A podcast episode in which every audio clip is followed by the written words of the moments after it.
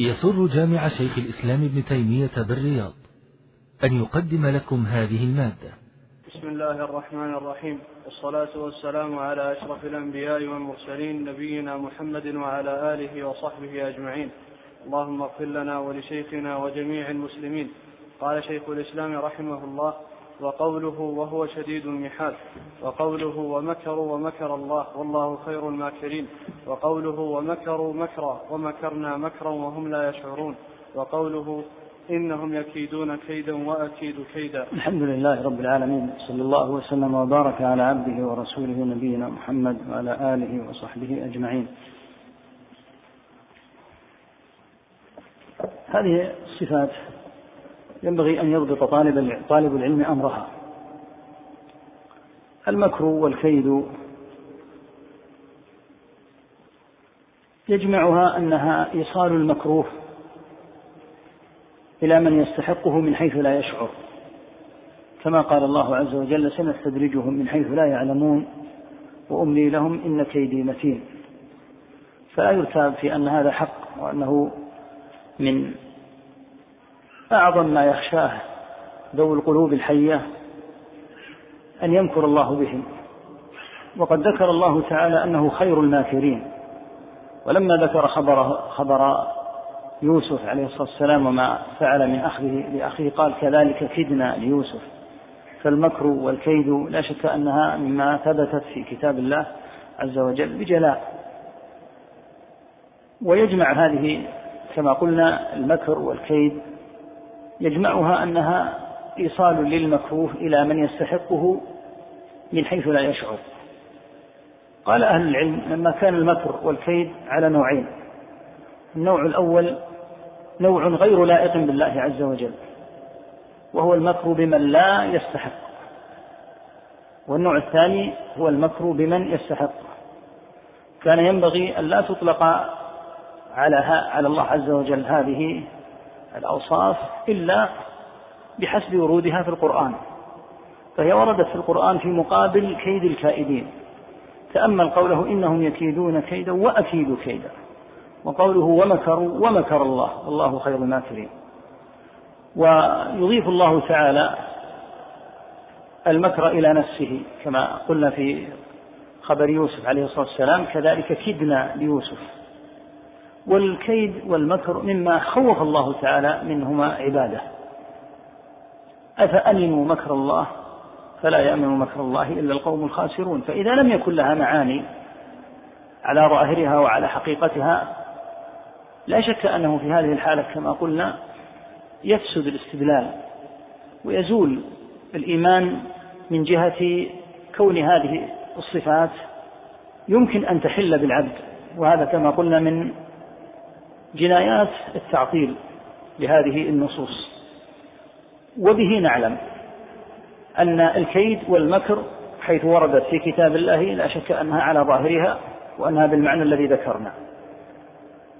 الأمر الثاني أن الرب تعالى لا يطلق عليه الماكر والكائد ونحو ذلك أولا لأن الأسماء توقيفية كما تقدم ولا بد أن تؤخذ من كتاب الله وسنة رسوله صلى الله عليه وسلم. والأمر الثاني أن هذه الأوصاف التي سمعت منها ما هو لائق بالله عز وجل وهو المذكور هنا وثمة نوع لا يليق بالله وهو المكر بمن لا يستحق. فلهذا لم يسمى الله بالماكر. ووصف بأنه يكيد ويمكر. وبذلك يعلم طالب العلم أن ثمة صفات جاءت في كتاب الله عز وجل فيها تقييد وأن الأسماء لا تشتق بالاجتهاد. وها هنا قاعدة مهمة في باب الأسماء والأوصاف. لما كان كل اسم متضمنا لصفة وكانت هناك صفات لا يشتق لله تعالى منها أسماء. علمنا هذه القاعدة. باب الأسماء أضيق من باب الصفات. لأن هناك صفات يتصف الله بها ولا نسمي الله تعالى بها. فدل على أن باب الأسماء أضيق من باب الصفات. وبالتالي باب الصفات سيكون أوسع من باب الأسماء. وباب الإخبار الإخبار عن الله تعالى أوسع من باب الصفات. فيخبر عن الله عز وجل بما لا يصح أن يوصف به من جهة أن يقال إن الله اتصف بكذا لأن باب الإخبار أوسع. وعليه نعرف أن باب الأسماء أضيق من باب الصفات. وباب الصفات أضيق بعد ذلك من باب الإخبار وإن شئت قلت باب الإخبار أوسع من باب الصفات وباب الصفات أوسع من باب الأسماء. نعم.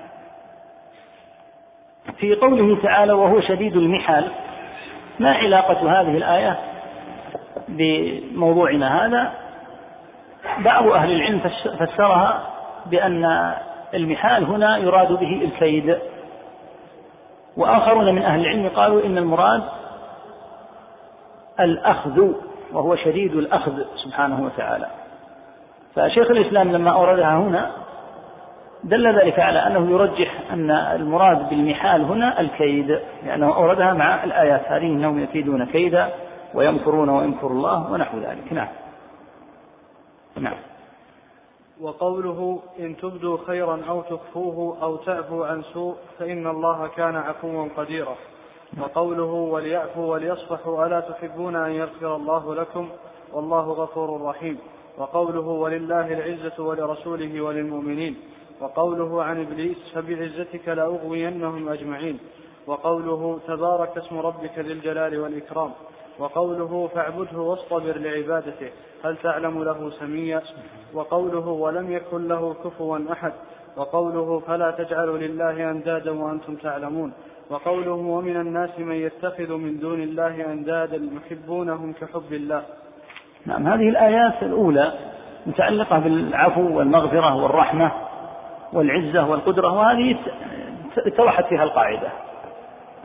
تقدم أن القاعدة عند أهل السنة في مثل هذه الصفات الواردة في كتاب الله أو في سنة نبيه صلى الله عليه وسلم أنها تثبت على ظاهرها اللائق بالله عز وجل.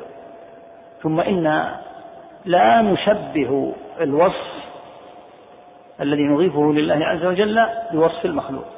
فأين عزة الله؟ من عزة المخلوق.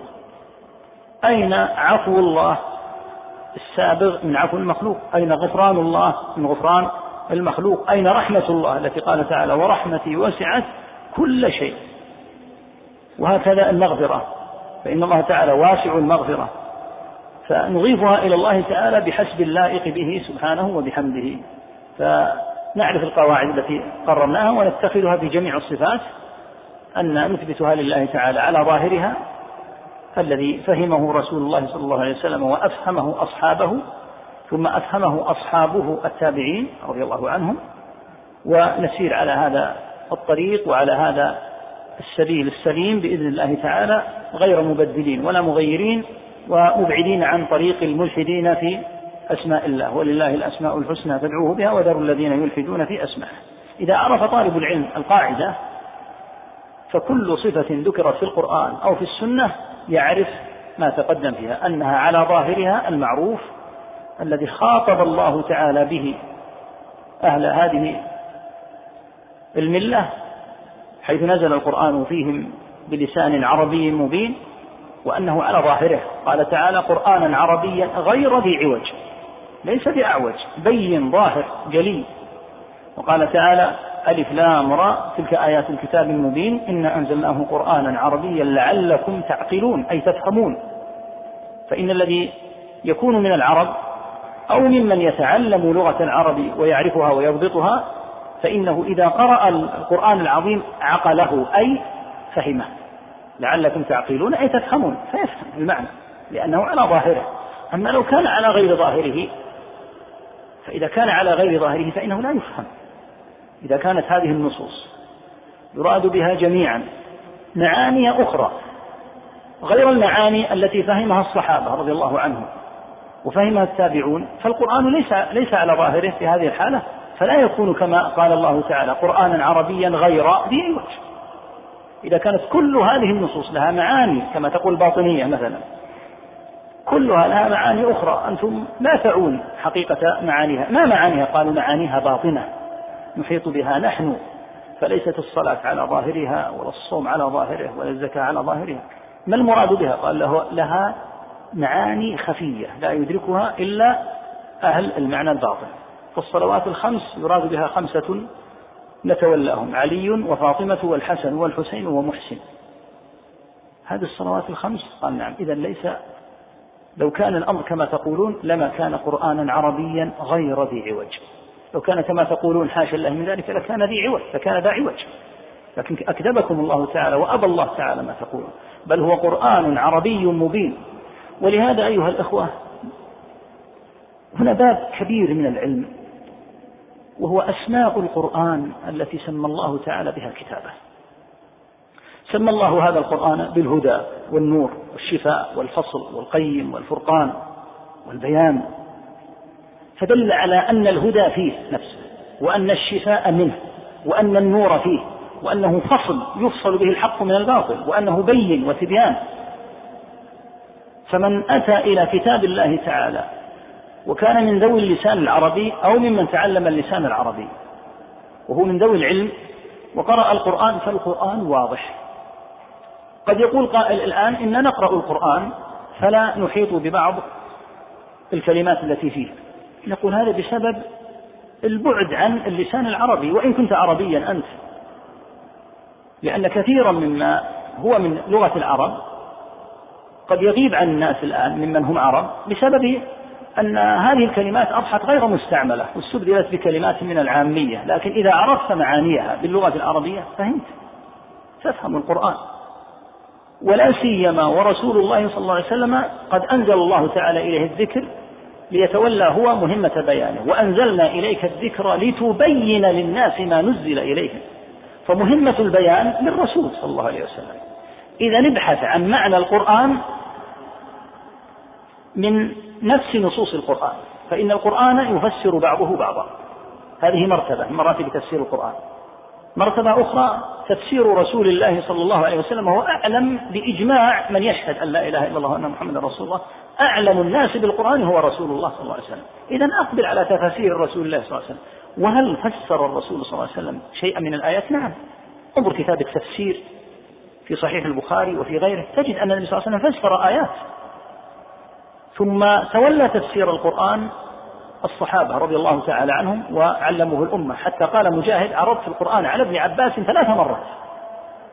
فكان ابن عباس وابن مسعود وأمثالهم رضي الله عنهم يفسرون القرآن علانية أمام الناس. أين تفاسيرهم؟ موجودة كما قلنا في الكتب المسندة. تجدها مثلا في تفسير ابن جرير في تفسير ابن أبي حاتم تجد تفاسيرهم العقدية في كتب الاعتقاد المسندة كما نوهنا عنه في أول الدرس.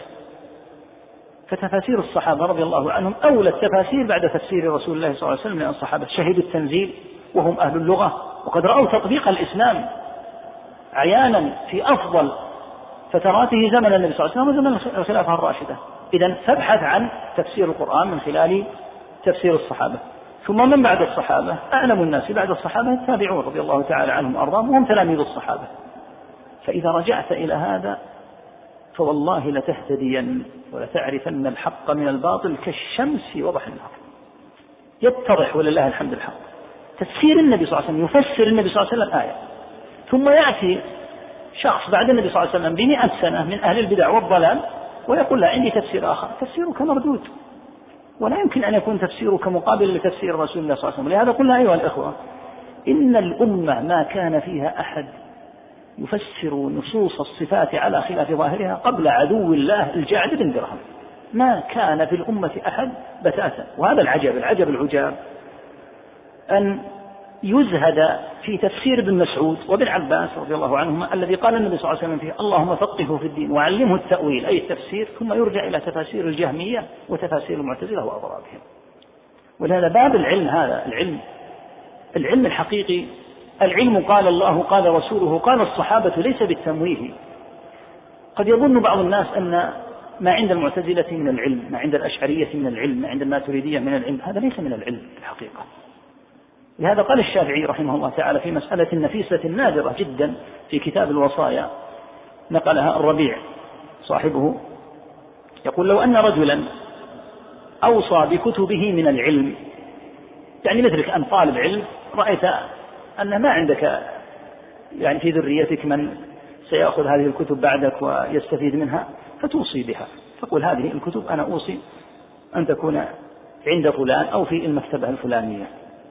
يقول الشافعي وانظر إلى كلام الفقهاء. ماذا يدخل في هذه الوصية؟ عندك مجموعة من كتب العلم قد تكون فيها كتب تفسير أحاديث كتب الفقهاء وقد يوجد فيها كتب المعتزلة. يقول رحمه الله لا تدخل كتب المتكلمين. لماذا؟ قال لأن المتكلمين ليسوا علماء فكتبهم ليست من كتب العلم. وأنت أوصيت بكتبك من العلم. تدخل كتب الآثار تدخل كتب الفقه كتب التفسير السليمة. يقول أما كتب هؤلاء فلا تدخل.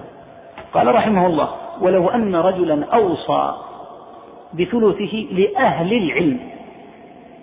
فقال ثلث هذا يصرف لأهل العلم لطلاب العلم. قال لا يدخل المتكلمون. المتكلمون من المعتزلة والجهمية ومن نحى منحهم. قال لأنهم ليسوا من أهل العلم. فكلام المعتزلة والجهمية فضلا عن كلام المتأخرين من الضالين كالعلمانيين وأمثالهم هذا ليس علما بتاتا. ما العلم؟ العلم في رد شبههم. هذا هو العلم. أما كلامهم هو فقد قال الله تعالى فإن لم يستجيبوا لك فاعلم أن ما يتبعون أهواءهم. مجرد أهواء. المعتزلي عنده هوى والرافض عنده هوى والخارجي عنده هوى والجهم عنده هوى والأشعري عنده هوى والماتريدي عنده هوى ويفسرون الصفات على غير ما فسرها عليه به رسول الله صلى الله عليه وسلم والصحابة رضي الله عنهم والتابعين رضي الله عنهم. الهوى ليس علما وإلا لم فتحت الدنيا كلها علوما. لو أن كل من مال إلى قول باطل صار علما لكانت الدنيا مليئة بالعلوم. وهذا ليس علما. العلم قال الله قال رسوله العلم الشرعي المقصود. قال الصحابة ليس بالتمويه. أما هذه الشبه وهذه الضلالات وهذه البدع فالعلم في ردها ودحضها وليست هي في ذاتها علما لأن الذين قالوها ليسوا علماء فليس هؤلاء من العلماء. الحاصل أن معرفة طالب العلم لهذه القواعد مهمة جدا فإذا ضبطها قواعد الصفات فأي صفة تأتي في كتاب الله أو في سنة نبيه صلى الله عليه وسلم إذا عرف المعنى إذا عرف القاعدة والطريق سهل عليه معرفة معناها. وسهل عليه طريق الوصول. فمثلا لو أراد طالب العلم أن يعرف المراد بالمغفرة. ما المراد بالمغفرة تحديدا؟ عندك أولا تفاسير الصحابة رضي الله عنهم وهل كان ويبحث طالب العلم هل وجد عن النبي صلى الله عليه وسلم تفسير المغفرة مثلا؟ والمعنى اللغوي الذي خاطب الله به أهل هذه الملة بلسان عربي مبين. ما المراد بالمغفرة؟ المغفرة من الغفر وهو الستر. ومنه سمي المغفر الذي يجعل على الرأس الحرب لأنه يستر الرأس. فالله تعالى يغفر أي يستر الذنوب سبحانه وتعالى. فيكون هذا هو المعنى لكلمة المغفرة وهكذا. العزة القدرة وأمثالها. فتجدها بحمد الله تعالى جلية بينة. ولو عندنا ولو أن عندنا يعني شيئا من الوقت لأخذنا كل هذه الصفات ووضحنا معانيها. لكن الذي يحدث لو أن توسعنا فيها ما المراد بالرحمة من حيث الاشتقاق ومن حيث كذا وماذا قال فيها الصحابة؟ يطول ولا نتمكن في الحقيقة من إنهاء الكتاب في هذه المدة الوجيزة. لذلك نركز على الأمور الكبار وهي إعطاء الطالب القواعد فإذا عرف القواعد العظيمة فسواء جاءت في صفة المغفرة أو في الرحمة أو في السمع أو في البصر أو في الاستواء أو في النزول أو في أي وصف في كتاب الله أو سنة نبيه صلى الله عليه وسلم فإن هذا يتضح له. بعد ذلك ذكر جملة من الآيات في النفي وقد تقدم أن المنهج في الأسماء والصفات نفي إثبات ما أثبت الله ونفي ما نفى. تأمل هذه الآيات أولا قوله تعالى تبارك اسم ربك ذي الجلال والإكرام. ينبغي أن يعلم أن كلمة تبارك هذه خاصة بالله تعالى. ومن الأخطاء الشائعة عند الناس قولهم فلان تبارك علينا. لا ما يقال كذا لأن تبارك خاصة بالله تعالى. لا يطلق على الرب سبحانه على غير الرب سبحانه هذا. لهذا قال تعالى تبارك الذي نزل الفرقان على عبده تبارك الذي بيده الملك. وإذا كان الرجل فعلا مباركا فإنه يقال فلان مبارك ولا يقال تبارك لأن هذا تبارك تعالى وتعاظم الرب سبحانه وتعالى. هذا خاص بالرب أي تبارك الله أي تعالى وتعاظم سبحانه. تبارك اسم ربك ذي الجلال والإكرام هذا فيه إثبات الاسم لله تعالى. وقال تعالى فاعبده واصطبر لعبادته هل تعلم له سميا قوله هل تعلم له سميا هنا هذا النوع من الاستفهام يراد به النفي أي ليس له سمي. لكنه مشرب معنى التحدي. الاستفهام الذي بمعنى النفي يكون قد أشرب معنى التحدي. فلا شك أن الله تعالى لا سمي له سبحانه وبحمده. ففي هذا الأسلوب هل تعلم له سميا؟ فيه شيء من التحدي. لا والله ليس لله تعالى سمي. ثم قال تعالى ولم يكن له كفوا أحد. نعرف قاعدة أن النكرة في سياق النفي تفيد العموم. النكرة في سياق النفي تفيد العموم. كفوا نكرة وقد نفيت ولم يكن له كفوا أحد فتفيد العموم أنه ليس لله تعالى أي كفء سبحانه وبحمده. قال تعالى فلا تجعلوا لله أندادا. تقدم الكلام على معنى الند. قال تعالى ومن الناس من يتخذ من دون الله أندادا. ما الملاحظ في النفي؟ عندنا قاعدة في النفي وهي طريقة الرسل صلى الله عليه وسلم النفي يأتي مجملا. ولم يكن له كفوا أحد. فيأتي نفي مجمل قال تعالى فلا تضربوا لله الأمثال. وقال هل تعلم له سميا؟ يتميز النفي في العموم الأغلب بأنه مجمل أما الإثبات في الصفات فكما رأيت. يتميز بالتفصيل لأن الإثبات هو الذي فيه التعريف تعريف بالرب سبحانه وتعالى بأنه يتصل بالرحمة بالمغفرة بالسمع بالبصر وهكذا بقية الصفات. عند النفي يجمل إجمالا هذا هو المعتاد. إلا أن يدعى دعوة كالولد فيذكر الله تعالى نفي الولد أو يدعى دعوة فيذكرها الله تعالى. لكن في العموم الأغلب طريقة الرسل صلى الله عليه وسلم هي النفي المجمل والإثبات المفصل. مما يدلك على ضلال المتكلمين في هذا الباب أنهم عكسوا طريقة القرآن. فصار الذي يثبتونه هو الأقل والذي ينفونه ينفونه بشكل موسع حتى بطريقة فيها شيء من قلة الأدب مع الله تعالى. الله ليس كذا ولا كذا ولا كذا ولا كذا عبارات لا يليق أن تقال. الله تعالى إذا أجمل في النفي دخل في هذا الإجمال كل شيء ولم يكن له كفوا أحد. لا من الملائكة ولا من الإنس ولا من الجن ولا من أي شيء. ليس لله تعالى كفوا أحد. وهكذا بقية موارد النفي ونصوص النفي تلاحظ أنها تأتي بشيء من الإجمال في العموم الأغلب. فطريقة الذين خالفوا الرسل صلى الله عليه وسلم أنهم عكسوا فصاروا يقل جدا عندهم الإثبات هذا من يثبت منهم؟ ويكثر عندهم النفي حتى يعبروا بعبارات غير مناسبة بتاتا مع الله فيجمل في النفي ولا يفصل فيه. ومعلوم أن الله تعالى إذا تنزه عن النقائص فمهما عددت من النقائص. كل ما تعدد من النقائص فإنها داخلة. فلهذا ينبغي أن يلاحظ الإجمال في النفي والتفصيل في الإثبات. نعم. وقوله وقل الحمد لله الذي لم يتخذ ولدا ولم يكن له شريك في الملك ولم يكن له ولي من الذل وكبره تكبيرا. وقوله يسبح لله ما في السماوات وما في الأرض له الملك وله الحمد وهو على كل شيء قدير. وقوله تبارك الذي نزل الفرقان على عبده ليكون للعالمين نذيرا الذي له ملك السماوات والأرض ولم يتخذ ولدا ولم يكن له شريك في الملك. وخلق كل شيء فقدره تقديرا.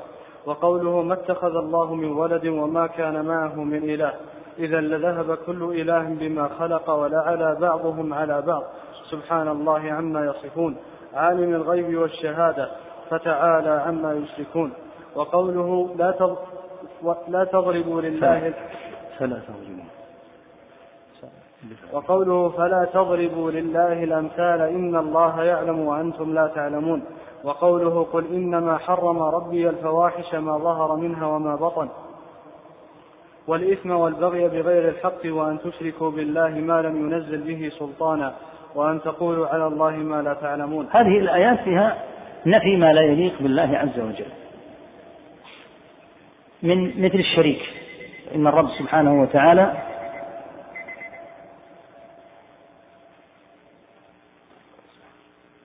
فإن الرب سبحانه وتعالى ينفع عنه الشريك أي شريك. فليس لله تعالى شريك لا من الجن ولا من الإنس ولا من الملائكة ولا من أي مخلوق. ونفى الله تعالى الشريك في مواضع كثيرة من كتابه.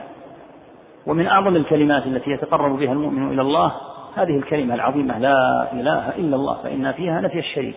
ولهذا لا إله إلا الله وحده لا شريك له. له الملك وله الحمد وهو على كل شيء قدير. فليس لله تعالى شريك لا في أسمائه ولا في صفاته ولا في ربوبيته ولا في عبادته كما تقدم. فنفي الشريك كثير في آيات القرآن وهكذا نفي الولد.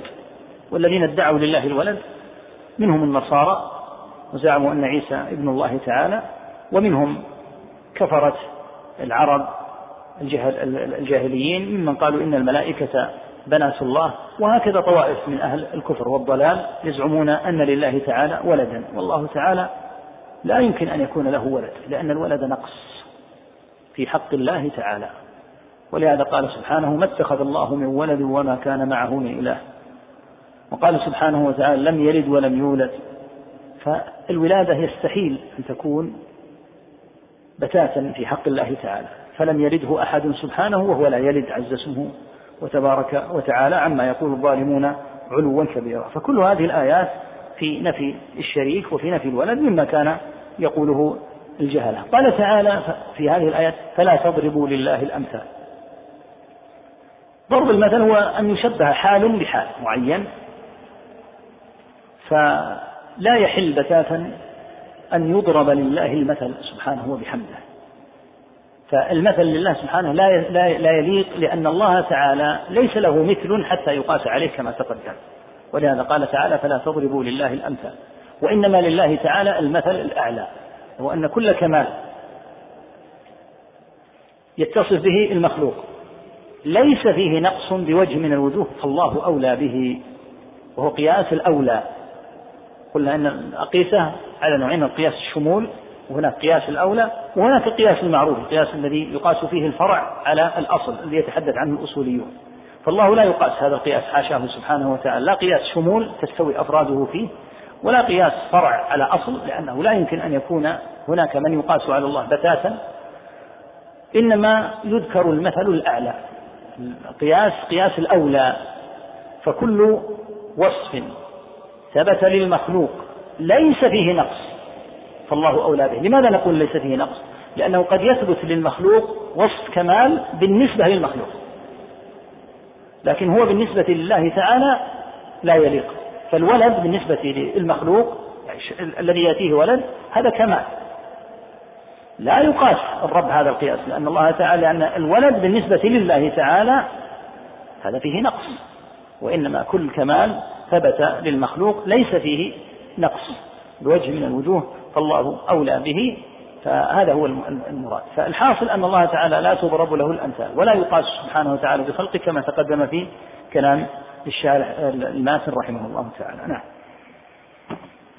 وقوله الرحمن على العرش استوى في سبع مواضع في سورة في سبع مواضع. في سورة الأعراف قوله إن ربكم الله الذي خلق السماوات والأرض في ستة أيام ثم استوى على العرش. وقال في سورة يونس عليه السلام إن ربكم الله الذي خلق السماوات والأرض في ستة أيام ثم استوى على العرش. وقال في سورة الرعد الله الذي رفع السماوات بغير عمد ترونها ثم استوى على العرش. وقال في سورة طه الرحمن على العرش استوى. وقال في سورة الفرقان ثم استوى على العرش الرحمن. وقال في سورة السجدة الله الذي خلق السماوات والأرض وما بينهما في ستة أيام. ثم استوى على العرش. وقال في سورة الحديد هو الذي خلق السماوات والأرض في ستة أيام ثم استوى على العرش. هذه الآيات السبع وردت في كتاب الله أولها في سورة الأعراف وآخرها في سورة الحديد. كلها فيها إثبات استواء الله تعالى على العرش. وهذه المسألة من المسائل الكبار جدا. وبها يتميز المبتدع من السني. السلف رضي الله تعالى عنهم وأرضاهم فسروا الاستواء تفسيرا واضحا جدا وهو الذي دلت عليه اللغة. لأن كلمة استوى إذا عديت بحرف على فإنها ليس لها إلا معنى العلو والارتفاع. هذا أمر معروف. فسر السلف رضي الله تعالى عنهم الاستواء بما يدل على هذا ولهم في تفسير الاستواء أربعة تفاسير لا يناقض بعضها بعضا. ذكرها ابن القيم رحمه الله بقوله في النونية ولهم عبارات عليها أربع قد حصلت للفارس الطعاني وهي استقر وقد علا وكذلك ارتفع الذي ما فيه من نكران. وكذلك قد صعد الذي هو رابع وأبو عبيدة صاحب الشيباني يختار هذا القول في تفسيره أدرى من الجهمي بالقرآن. فالاستواء على العرش معناه العلو على العرش والارتفاع عليه. والعرش هو أعظم مخلوقات الله تعالى على الإطلاق. الله تعالى يقول في محكم القرآن في الكرسي وسع كرسيه السماوات والأرض. وجاء في الحديث أن السماوات السبع بالنسبة إلى الكرسي كسبعة دراهم ألقيت في ترس.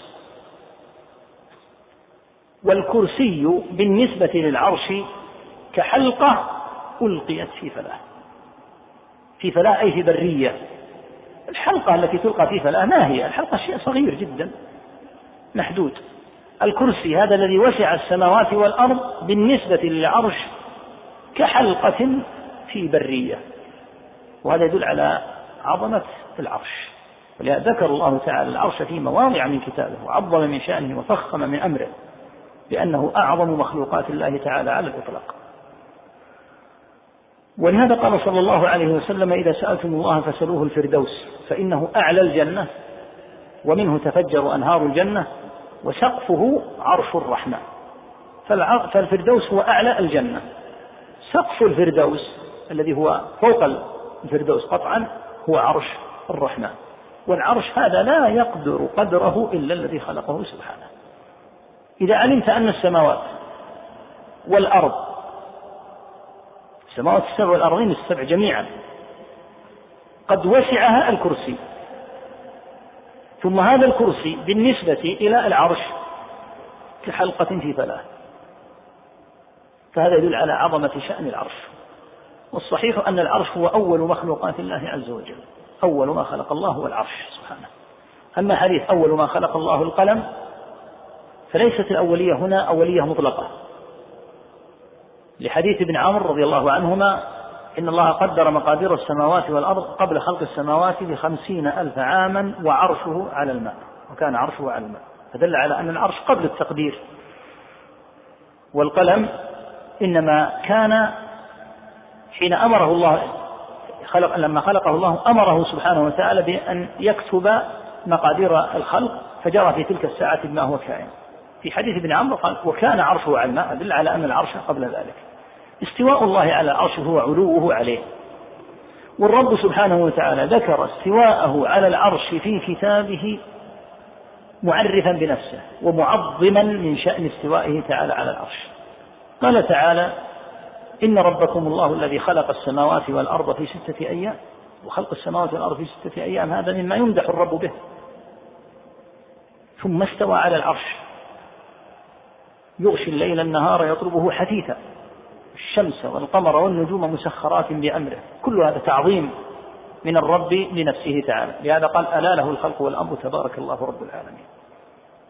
فاستواء الله تعالى على العرش كما يليق به. واستواء الله على العرش من الصفات الفعلية ليس من الصفات الذاتية. ينبغي أن تفرق بين العلو وبين الاستواء على العرش. العلو صفة ذاتية ملازمة لذات الله عز وجل. أما الاستواء على العرش فهو صفة فعلية.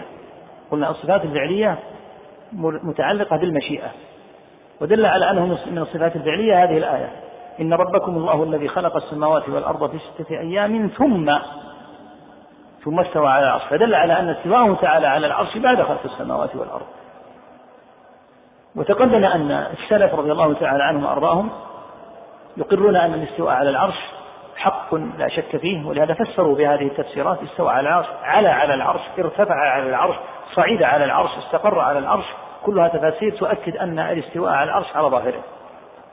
فإذا جئنا إلى الكيفية تقدم كلام مالك لما سأله الرجل عن الكيفية قال الاستواء معلوم. يعني من جهة المعنى كما تفسره الآن فسره السلف لهذه التفاسير الأربعة. وكل هذه التفاسير وهذا ينتبه له في تفاسير السلف كل هذه التفاسير لا تناقض بينها.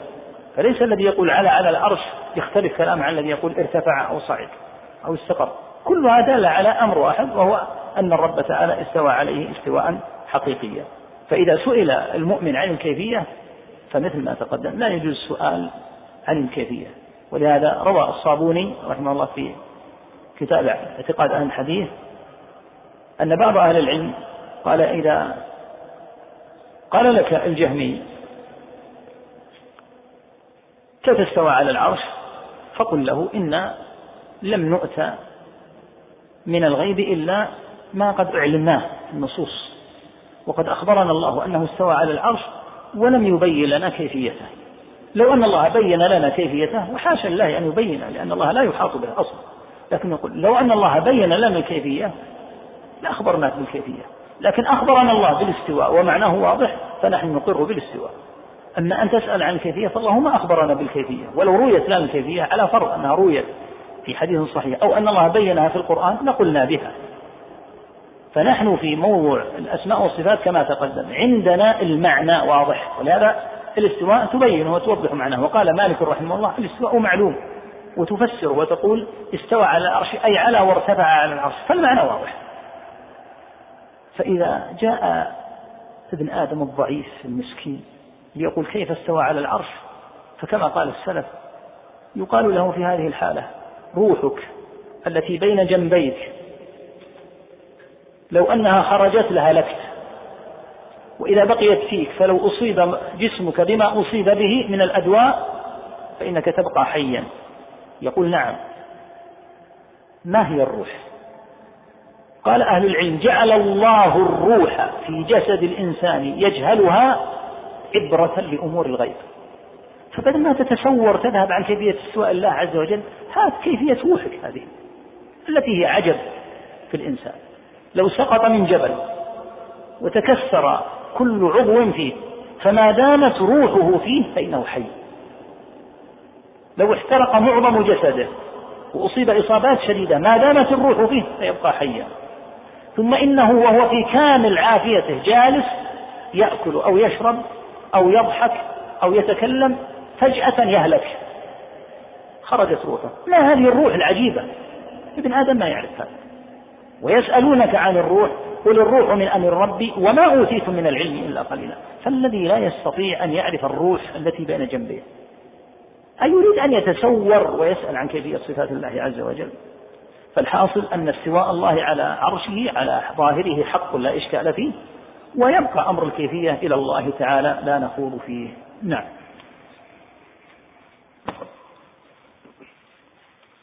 وقوله يا عيسى إني متوفيك ورافعك إلي وقوله بل رفعه الله إليك وقوله إليه يصعد الكلم الطيب والعمل الصالح يرفعه وقوله يا هامان ابن لي صرحا لعلي أبلغ الأسباب أسباب السماوات فأطلع إلى إله موسى وإني لأظنه كاذبا.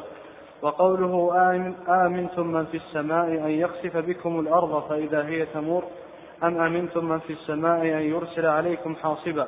فستعلمون كيف نذير. ذكر رحمه الله تعالى هنا أدلة العلو. وقلنا إن العلو ذاتي فهو من الصفات الذاتية. أما الاستواء فهو من الصفات الفعلية. والصفات الذاتية هي التي لم يزل ولا يزال متصفا بها سبحانه وتعالى.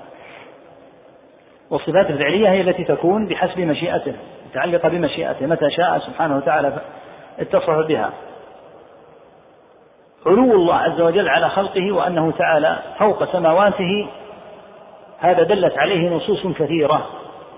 والنصوص في هذا قال أهل العلم تزيد على ألف نص. وأنواع الأدلة الدالة على علو الله عز وجل واحد وعشرون نوعا.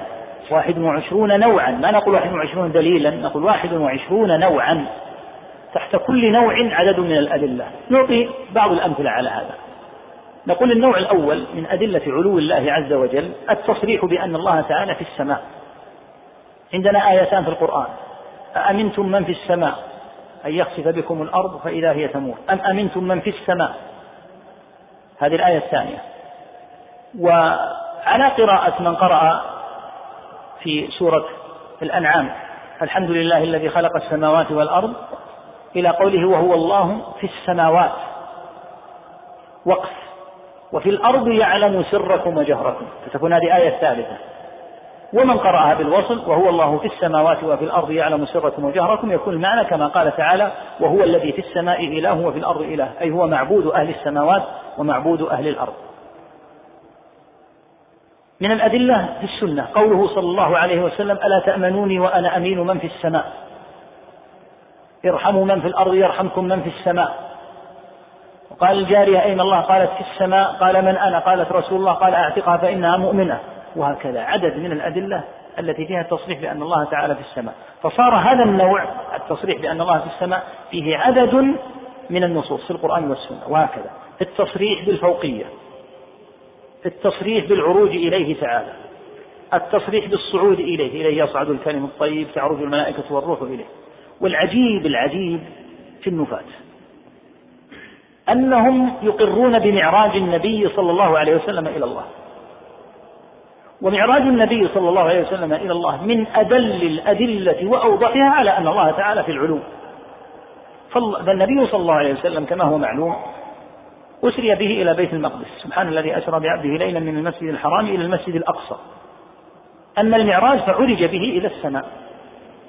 وفرضت عليه الصلوات الخمس. وجاء في النصوص تفاصيل لأمر المعراج. وأن النبي صلى الله عليه وسلم ارتفع به إلى مستوى سمع فيه صريف الأقلام أقلام الكتبة. وأن الله تعالى أوجب عليه الصلوات خمسين صلاة ثم لما نزل إلى موسى قال إن أمتك لا تطيق ذلك. فصعد به جبريل مرة أخرى. وخفف الله تعالى عنه حتى صارت خمسا وصار يتردد بين موسى عليه الصلاة والسلام وبين ربه. على ما يدل هذا يدل على أن الله تعالى في العلو فإذا جاءوا إلى دلائل النبوة قالوا من دلائل النبوة؟ وثبوت نبوة محمد صلى الله عليه وسلم ومما يحتجون به حتى على الكفار وفي مناقشاتهم مع اليهود والنصارى ولا شك أنه من الدلائل. عروج النبي صلى الله عليه وسلم إلى ربه. ثم تنفون العلو ما أعجبكم؟ الآن أنتم تقرون بالعروج. ثم تقولون إنا لا نقر بأن الله في العلو. العروج واضح أنه إلى السبع الطباق. عرج, عرج به صلى الله عليه وسلم إلى ربه وكلمه الله تعالى كفاحا. ولهذا تميزت الصلاة من بين الأحكام الأخرى بأن الله فرضها بنفسه.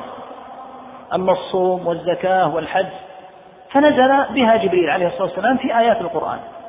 فما الذي ميز الصلاة؟ ميز الصلاة أن الرب تعالى فرضها بنفسه وعرج بالنبي صلى الله عليه وسلم إلى ربه. ثم تقول ما في علو؟ ومن لم يجعل الله له نورا فما له من نور؟ هؤلاء قوم عجب. كيف كيف تستدل بأحاديث العروج؟ ثم تقول إني لا أقر بالعلو. العروج من أدلة العلو. ولهذا قال تعالى تعرج الملائكة والروح إليه إلى الله تعالى. وهكذا بقية الأنواع. أوصل ابن القيم رحمه الله تعالى إلى 21 نوعا وذكرها رحمة الله تعالى عليه في النونية وفصلها تفصيلا كثيرا وأشار إلى الأحاديث الواردة فيها عليه الرحمة. قال أهل العلم إذا جمعت جميع أدلة العلو زادت على ألف دليل.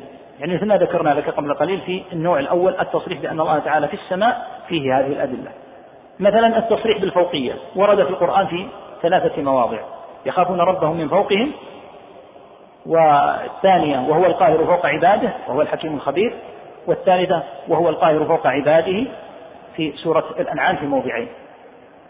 يخافون ربهم من فوقهم وهو القاهر فوق عباده والآية الأخرى وهو القاهر فوق عباده. التصريح بالفوقية. هذه ثلاثة مواضع في القرآن ثم تجد مواضع في السنة. من ضمن ذلك الحديث العظيم الصحيح في مسلم. حيث خطب صلى الله عليه وسلم في حجة الوداع. قال وأنتم تسألون عني.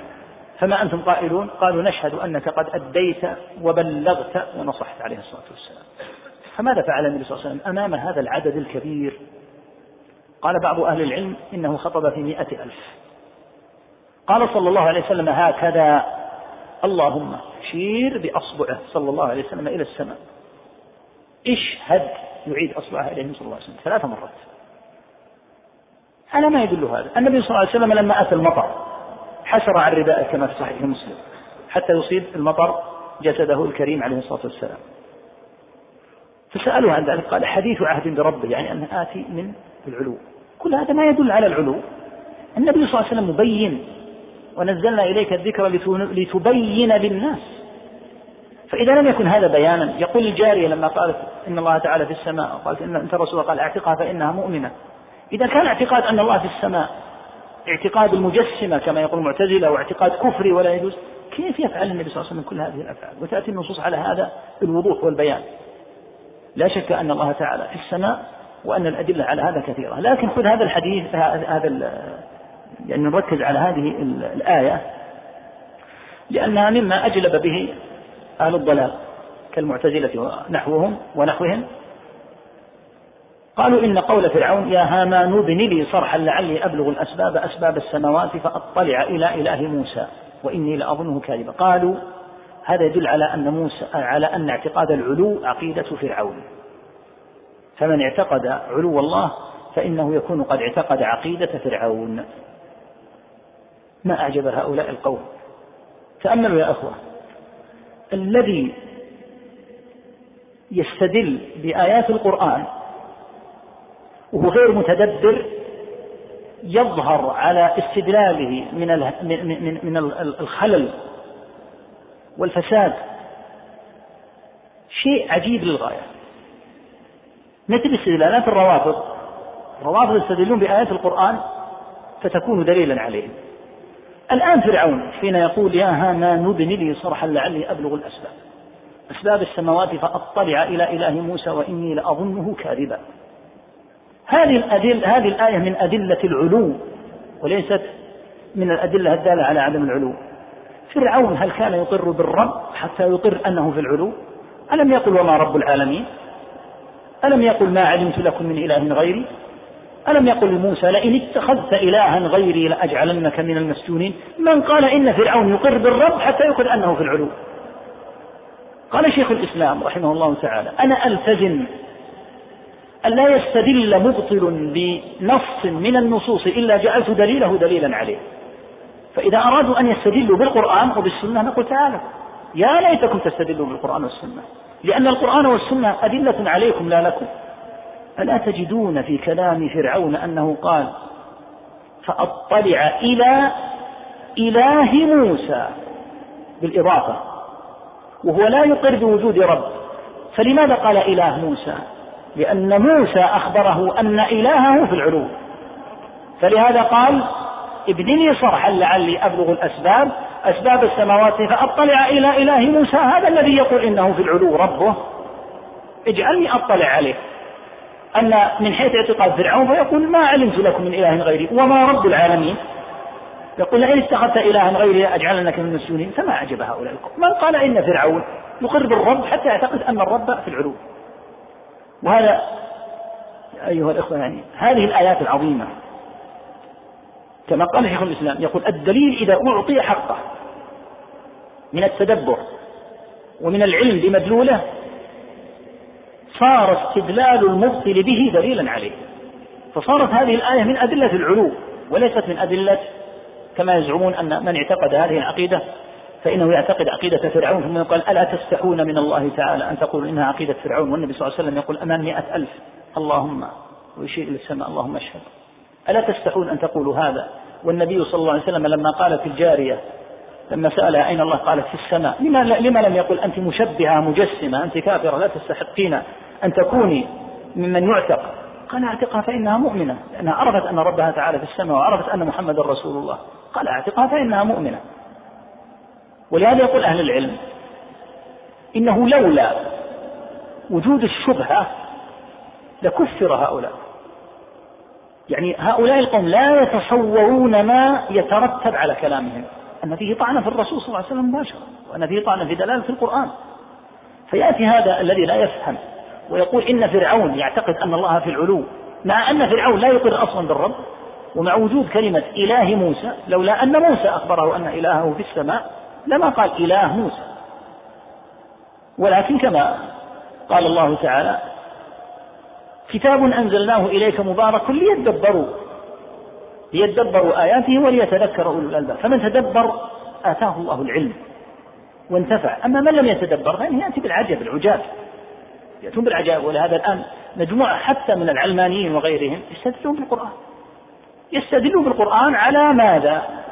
على بلاياهم وعلى مخازيهم. هذه الكفرية الفاجرة. والله إنها لعجائب. القرآن ليس كلام مباحا وليس الاستدلال بالقرآن لكل من هب ودب. القرآن أعظم وأجل وأكبر من أن يستدل به على الباطل. فإذا استدل به أحد على الباطل فمن أعجب ما في القرآن أن في الدليل نفسه الذي استدل به المبطل ما يرد على هذا المبطل قبل الأدلة الأخرى. فلهذا هذا النص لما استدل به هؤلاء وفرحوا به وقالوا إن هذا يدل على أن فرعون يعتقد العلو كان استدلالهم عليه من الفضائح. إذ جهلوا أن فرعون لا يقر أصلا بالرب حتى يقر له بالعلو. ولهذا ذكر أهل العلم هذه الآية في ضمن الأدلة الدالة على علو الله لأن قوله فأطلع إلى إله موسى دال على أن موسى أخبره أن ربه تعالى في السماء. نعم.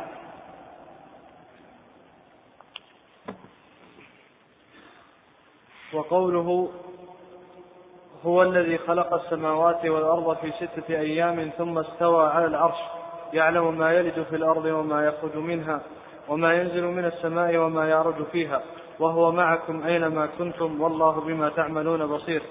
وقوله ما يكون من نجوى ثلاثة إلا هو رابعهم ولا خمسة إلا هو سادسهم ولا أدنى من ذلك ولا أكثر إلا هو معهم أينما كانوا. ثم ينبئهم بما عملوا يوم القيامة إن الله بكل شيء عليم. وقوله لا تحزن إن الله معنا وقوله إنني معكما أسمع وأرى. وقوله إن الله مع الذين اتقوا والذين هم محسنون. وقوله واصبروا إن الله مع الصابرين وقوله كم من فئة قليلة غلبت فئة كثيرة غلبت فئة كثيرة بإذن الله والله مع الصابرين. هذه الآيات كلها في المعية. تلاحظ أنها يعبر فيها بأن الله تعالى مع الذين اتقوا مع المحسنين مع الصابرين مع الذين اتقوا والذين هم محسنون مع الصابرين. هذه المعية إذا علمت ما تقدم من أن الله تعالى في العلو وأنه في السماء وأنه إذا قيل من رب أين ربك تقول في السماء؟ سبحانه وتعالى. تعرف به أدل تعرف به هذه المعية. المعية على نوعين. النوع الأول معية عامة. هذه المعية العامة تقتضي الإحاطة فتشمل جميع المخلوقات. من بر وفاجر وإنس وجن وشجر وحجر وما في السماوات وما في الأرض. الله عز وجل معيته بهؤلاء جميعا محيطة. فلا يخرج عن معيته أحد. سبحانه. هذا النوع الأول من المعية هو المعية العامة. النوع الثاني المعية الخاصة. وهذه لا تكون إلا لرسل الله عليهم الصلاة والسلام ولمن سار على نهجهم كما في الآية. مع الذين اتقوا مع الصابرين ممن سلكوا مسلك الرسل. ولهذا قال تعالى لموسى وهارون إنني معكما أسمع وأرى. فهي تقتضي التأييد وتقتضي الحفظ والنصرة. هل معية الله عز وجل تنافي علوه؟ لا. فهو سبحانه وتعالى على عرشه كما تقدم فوق سماواته وهو سبحانه وبحمده مع عباده المؤمنين مع الذين اتقوا والذين هم محسنون. وليس معنى المعية أن الله تعالى مختلط بعباده المؤمنين وأنه معهم في الأرض. لأن نعلم القاعدة الكبيرة التي تقدمت وهي أن الله تعالى في السماء.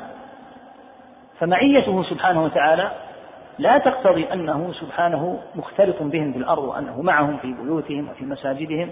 هذا لا يقوله مسلم يعي ما يقول. إنما الرب تعالى فوق عرشه على سماواته سبحانه وتعالى وهو معهم سبحانه وتعالى معية لا تقتضي الاختلاط بهم في الأرض وأن يكون معهم في بيوتهم وفي آه، أسواقهم ونحو ذلك حاشا لله تعالى من ذلك. تقول العرب كما سيأتي إن شاء الله تعالى ما زلنا نسير والقمر معنا. هل القمر معهم في طرقاتهم وفي أسواقهم وفي بيوتهم؟ لا المعية لا تقتضي بتاتا الاختلاط. معنا المسافر إذا كان يسافر فإن القمر معه. يلاحظ القمر دائما لهذا يستنير به في الليل ويلاحظ أن القمر معه دائما ما دام في الليل. هل كون القمر معه لا زلنا نسير والقمر معنا فإنه معهم في رواحلهم وعلى دوابهم؟ لا. فهو في العلو القمر وهو معهم. فالمعية تقتضي المصاحبة ولا تقتضي المخالطة. فكذلك ما يتعلق بمعية الله. فالله تعالى مع عباده سبحانه وتعالى سواء كانت المعية العامة أو المعية الخاصة وهو سبحانه وتعالى على عرشه. فليس ثمة معارضة بين هذا وهذا. نعم. وقوله ومن أصدق من الله حديثا وقوله ومن أصدق من الله قيلا وقوله وإذ قال الله يا عيسى ابن مريم وقوله وتمت كلمة ربك صدقا وعدلا وقوله وكلم الله موسى تكليما وقوله منهم من كلم الله. وقولهم ولما جاء وقوله ولما جاء موسى لميقاتنا وكلمه ربه. وقوله وناديناه من جانب الطور الأيمن وقربناه نجيا. وقوله وإذ نادى ربك موسى أن ائت القوم الظالمين. وقوله وناداهما ربهما ألم أنهكما عن تلكما الشجرة. وقوله ويوم يناديهم فيقول ماذا أجبتم المرسلين. وقوله وإن أحد من المشركين استجارك فأجره حتى يسمع كلام الله. وقوله وقد كان, وقد كان فريق منهم يسمعون كلام الله ثم يحرفونه من بعد ما عقلوه وهم يعلمون. وقوله يريدون أن يبدلوا كلام الله قل لن تتبعونا كذلكم قال الله من قبل. وقوله واتل ما أوحي إليك من كتاب ربك لا مبدل لكلماته. وقوله إن هذا القرآن يقص على بني على بني إسرائيل أكثر الذي هم فيه يختلفون. كل هذه الآيات ساقها رحمه الله تعالى لإثبات أن القرآن كلام الله وأن الله تعالى تكلم به. والدلالات في هذه الآيات يعني كثيرة. ومن أصدق من الله حديثا فسمى الله تعالى القرآن بالحديث. ومن أصدق من الله قيلا فسماه بالقول سبحانه وتعالى. ونص تعالى على أن الله تعالى كلم موسى تكليما. فذكر تكليمه سبحانه وتعالى لموسى بصيغة الفعل وأكده بالمصدر أنه تكليم حقيقي.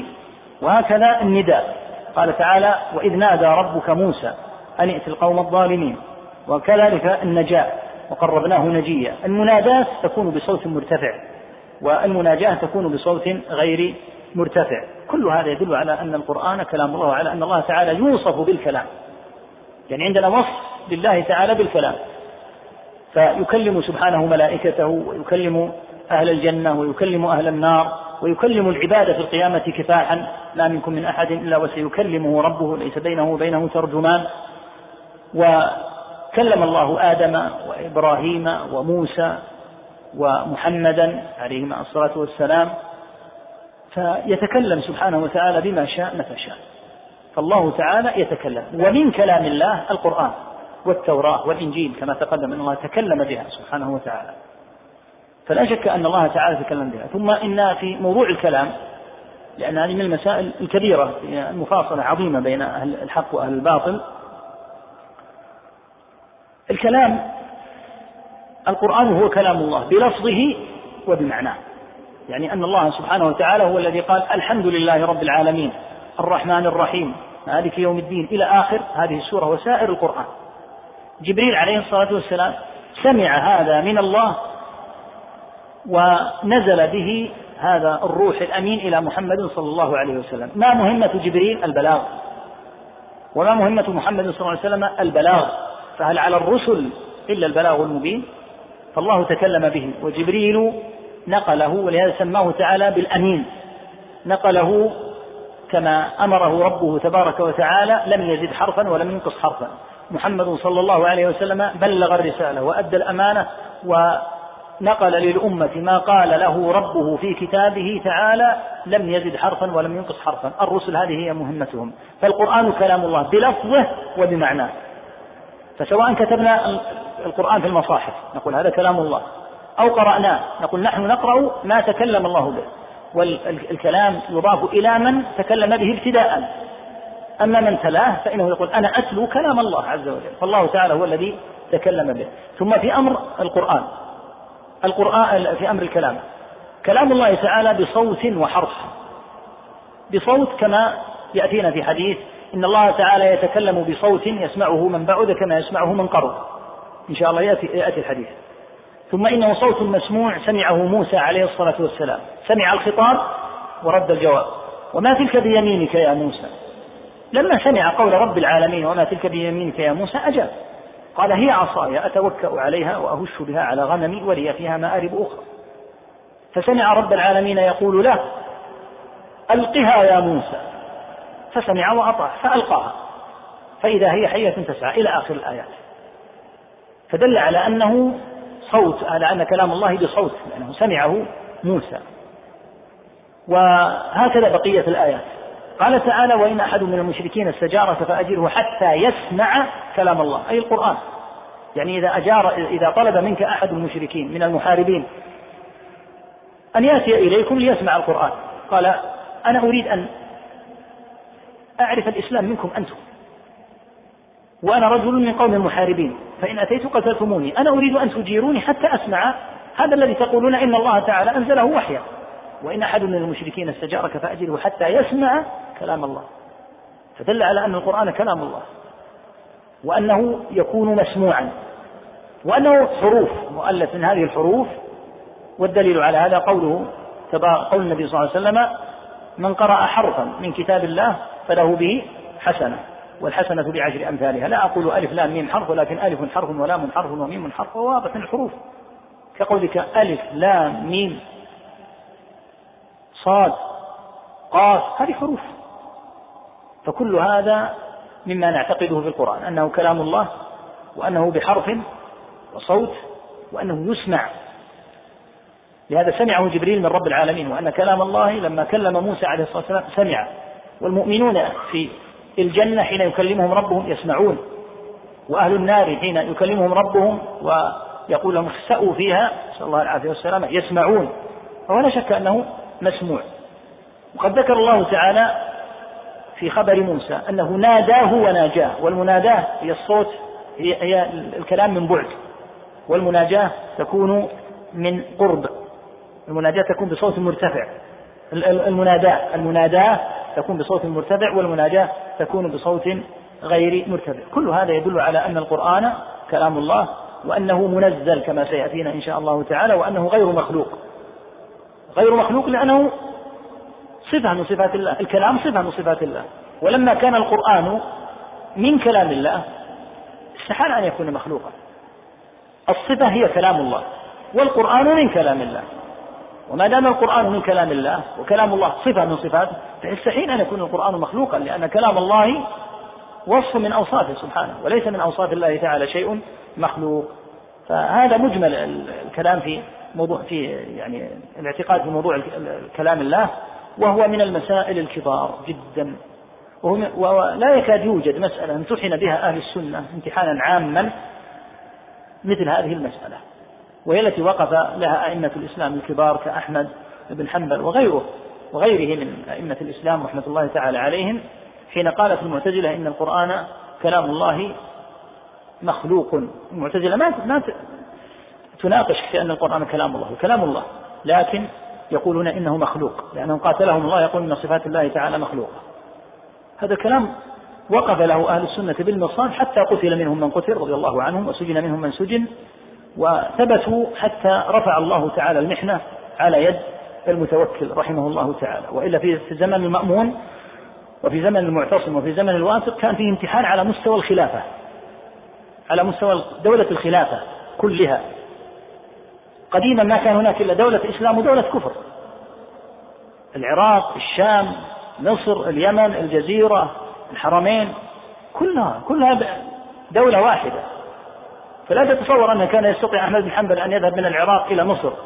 هي دولة واحدة فليس ثمة إلا دولة إسلام ودولة كفر. فلهذا لم يكن عندهم مجال بتاتا للهجرة من ذاك الموضع الذي امتحنوا فيه إلى موضع آخر. فلهذا لما امتحنوا رضي الله تعالى عنهم وأرضاهم ثبتوا. وقتل منهم من قتل رضي الله عنهم ومات في السجن منهم من مات وتعرض للعذاب من تعرض منهم رحمهم الله تعالى وثبتوا رضي الله عنهم. لأن القول بأن القرآن مخلوق خطر جدا. مقتضى أن صفات الله مخلوقة. وإذا قيل إن من صفات الله تعالى شيئا مخلوقا ينفتح باب الزندقة. من الذي خلقه؟ نسأل الله العافية والسلام. ولهذا بعض المغفلين قالوا لماذا عذب أحمد بن حنبل نفسه هذا وأئمة السنة وقفوا هذا الموقف حتى سجن البويطي رحمه الله تعالى أتي به من مصر. البويطي تلميذ الشافعي وأنبل تلاميذ الشافعي على الإطلاق. أتي به من مصر إلى العراق. قد جعل في رقبته ثقل يعني حتى يكون طوال الطريق محدودبا حتى يرجع. ومكث في السجن رضي الله عنه ورحمه حتى مات وأبى. يصرون هذا الإصرار على أمر سهل؟ لا والله ليس بالسهل. الأمر خطير لأنه إذا قيل إن من صفات الله تعالى شيئا مخلوقا فمعنى ذلك القدح في ربوبية الله وفي استحقاقه العبادة حيث لا يشعر المغفل الذي يقول ما الذي جعلهم يتعرضون لمثل هذا كله؟ المسألة مسألة قول من الأقوال التي نشأت وبعضهم يقول إنها مسألة أصلا لا حاجة للنقاش فيها. يقال كلام الله خلاص لا يتعرض هل هو مخلوق أو غير مخلوق. بل يقال غير مخلوق لأنه إذا قيل إن القرآن مخلوق فمعنى ذلك والقرآن من كلام الله معنى ذلك أن كلام الله مخلوق. وإذا كان كلام الله الذي هو صفته مخلوق ينهار عندنا الاعتقاد بأسره. الله تعالى يقول أفمن يخلق؟ كمن لا يخلق؟ أفلا تذكرون؟ يسقط الاستدلال بالآية. قال والذين يدعون من دون الله لا يخلقون شيئا وهم يخلقون. أموات غير أحياء. فتسقط هذه الآيات حاشا الله تعالى أن تسقط. تسقط دلالتها. إذا قيل إن من الله تعالى شيئا مخلوقا ينفتح باب من الكفر والزندقة ليس بالهين. ولهذا هذه المقولة قد يقولها أناس ليسوا زنادقة في أصل مقولتهم. وإن كانت مقولة كفرية بلا شك. المقولة هذه كفرية قد نقل الإجماع على كفر من قالها أهل العلم رحمهم الله. حتى عد اللالكائي أكثر من 500 من علماء الأمة ممن يكفرون من قال إن القرآن مخلوق. قال ابن القيم رحمه الله تعالى ولهم لما ذكر رحمه, رحمه الله تكفير العلماء من أهل السنة لمن قال بأن القرآن مخلوق ذكر ما أورده اللالكائي رحمه الله تعالى من نقله عن خمسين في عشرة. يعني خمسون في عشرة تعادل كم؟ تعادل خمسمائة. خمسمائة بل أكثر من خمسمائة. خمسون وزيادة من العلماء.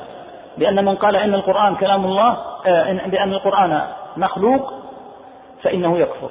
أئمة الإسلام الكبار كلهم قد نقل عنهم هذا. فمن قال إن القرآن مخلوق لا شك أنه قال بقول كفري. وقد يكون مراد الزنادقة. من إطلاق هذه الكلمة.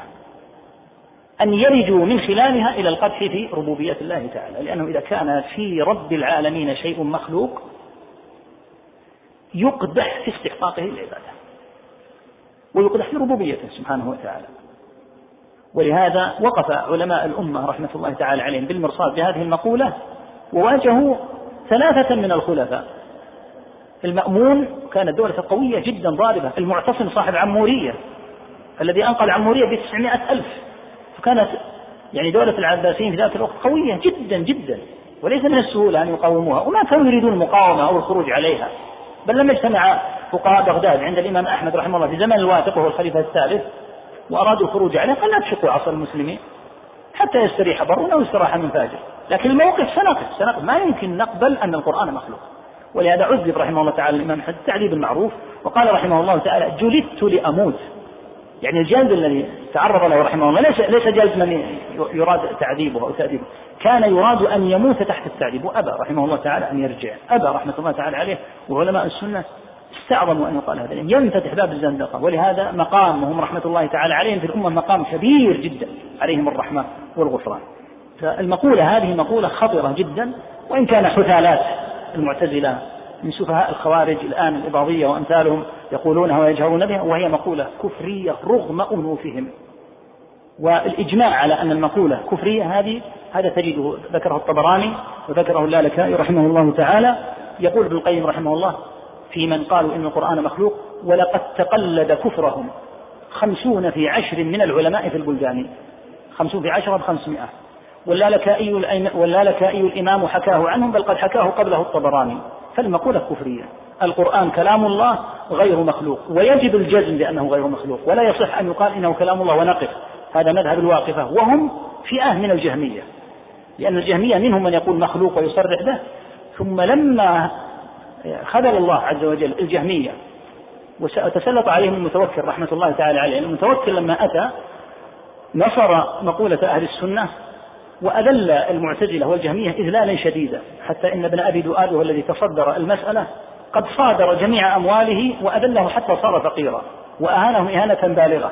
يعني هذه المقولة مقولة كفرية وكتب إلى آفاق الخلافة الإسلامية كلها بمنع أن يقال إن القرآن مخلوق. بعد أن كان من قبله يقول إن القرآن مخلوق فرفع الله تعالى تلك الغمة وبعدها سقطت المعتزلة. وهذه من آيات الله عز وجل. أبغضت أمة محمد صلى الله عليه وسلم المعتزلة بغضاء شديدة أيها الإخوة بعض المعتزلة صنف مئتي مصنف. الآن تتعب تعبا بالغا حتى تجد مصنفا واحدا المعتزلة دمر الله عز وجل وهو القدير العزيز دمر معظم كتب المعتزلة. فلا تجد كتب المعتزلة إلا نادرة قليلة مع أنهم في زمن المأمون والمعتصم.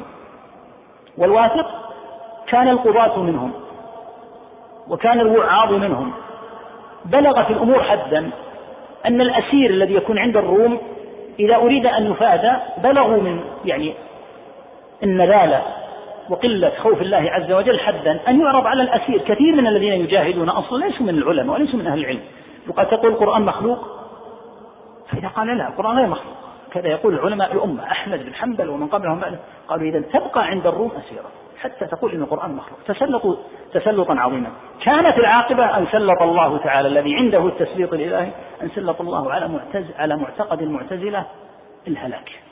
ولهذا معتقد المعتزلة لم يرتفع ذاك الارتفاع وإنما تقلدته الآن الرافضة منذ قرون يعني ورثه الرافضة ورثه الإباضية في عمان ورثه الزيدية في اليمن لكن رؤوس الاعتزال الكبار الذين كانوا في تلك الأوقات قد دمرت كتبهم دمرت ما أحرقها أحد دمرها العلي العظيم سبحانه وتعالى مع أنهم كانوا هم القضاة وهم المفتون لكن شاء الله سبحانه أن يضمحل جزء كبير جدا من هذه الكتب.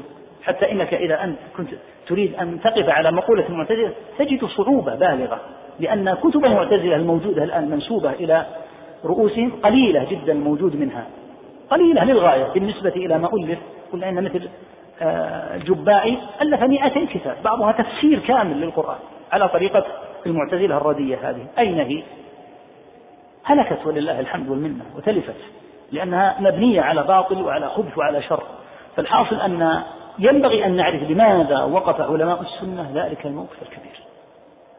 أن هذه المقولة مقولة خطرة جدا أن يقال إن القرآن عياذا بالله مخلوق لأن معنى ذلك أنه يكون من الله تعالى شيء مخلوق. إذا كان من الله تعالى شيء مخلوق فالله تعالى بين عدم استحقاق المعبودات من سواه سبحانه عدم استحقاقها للعبادة لأنها مخلوقة.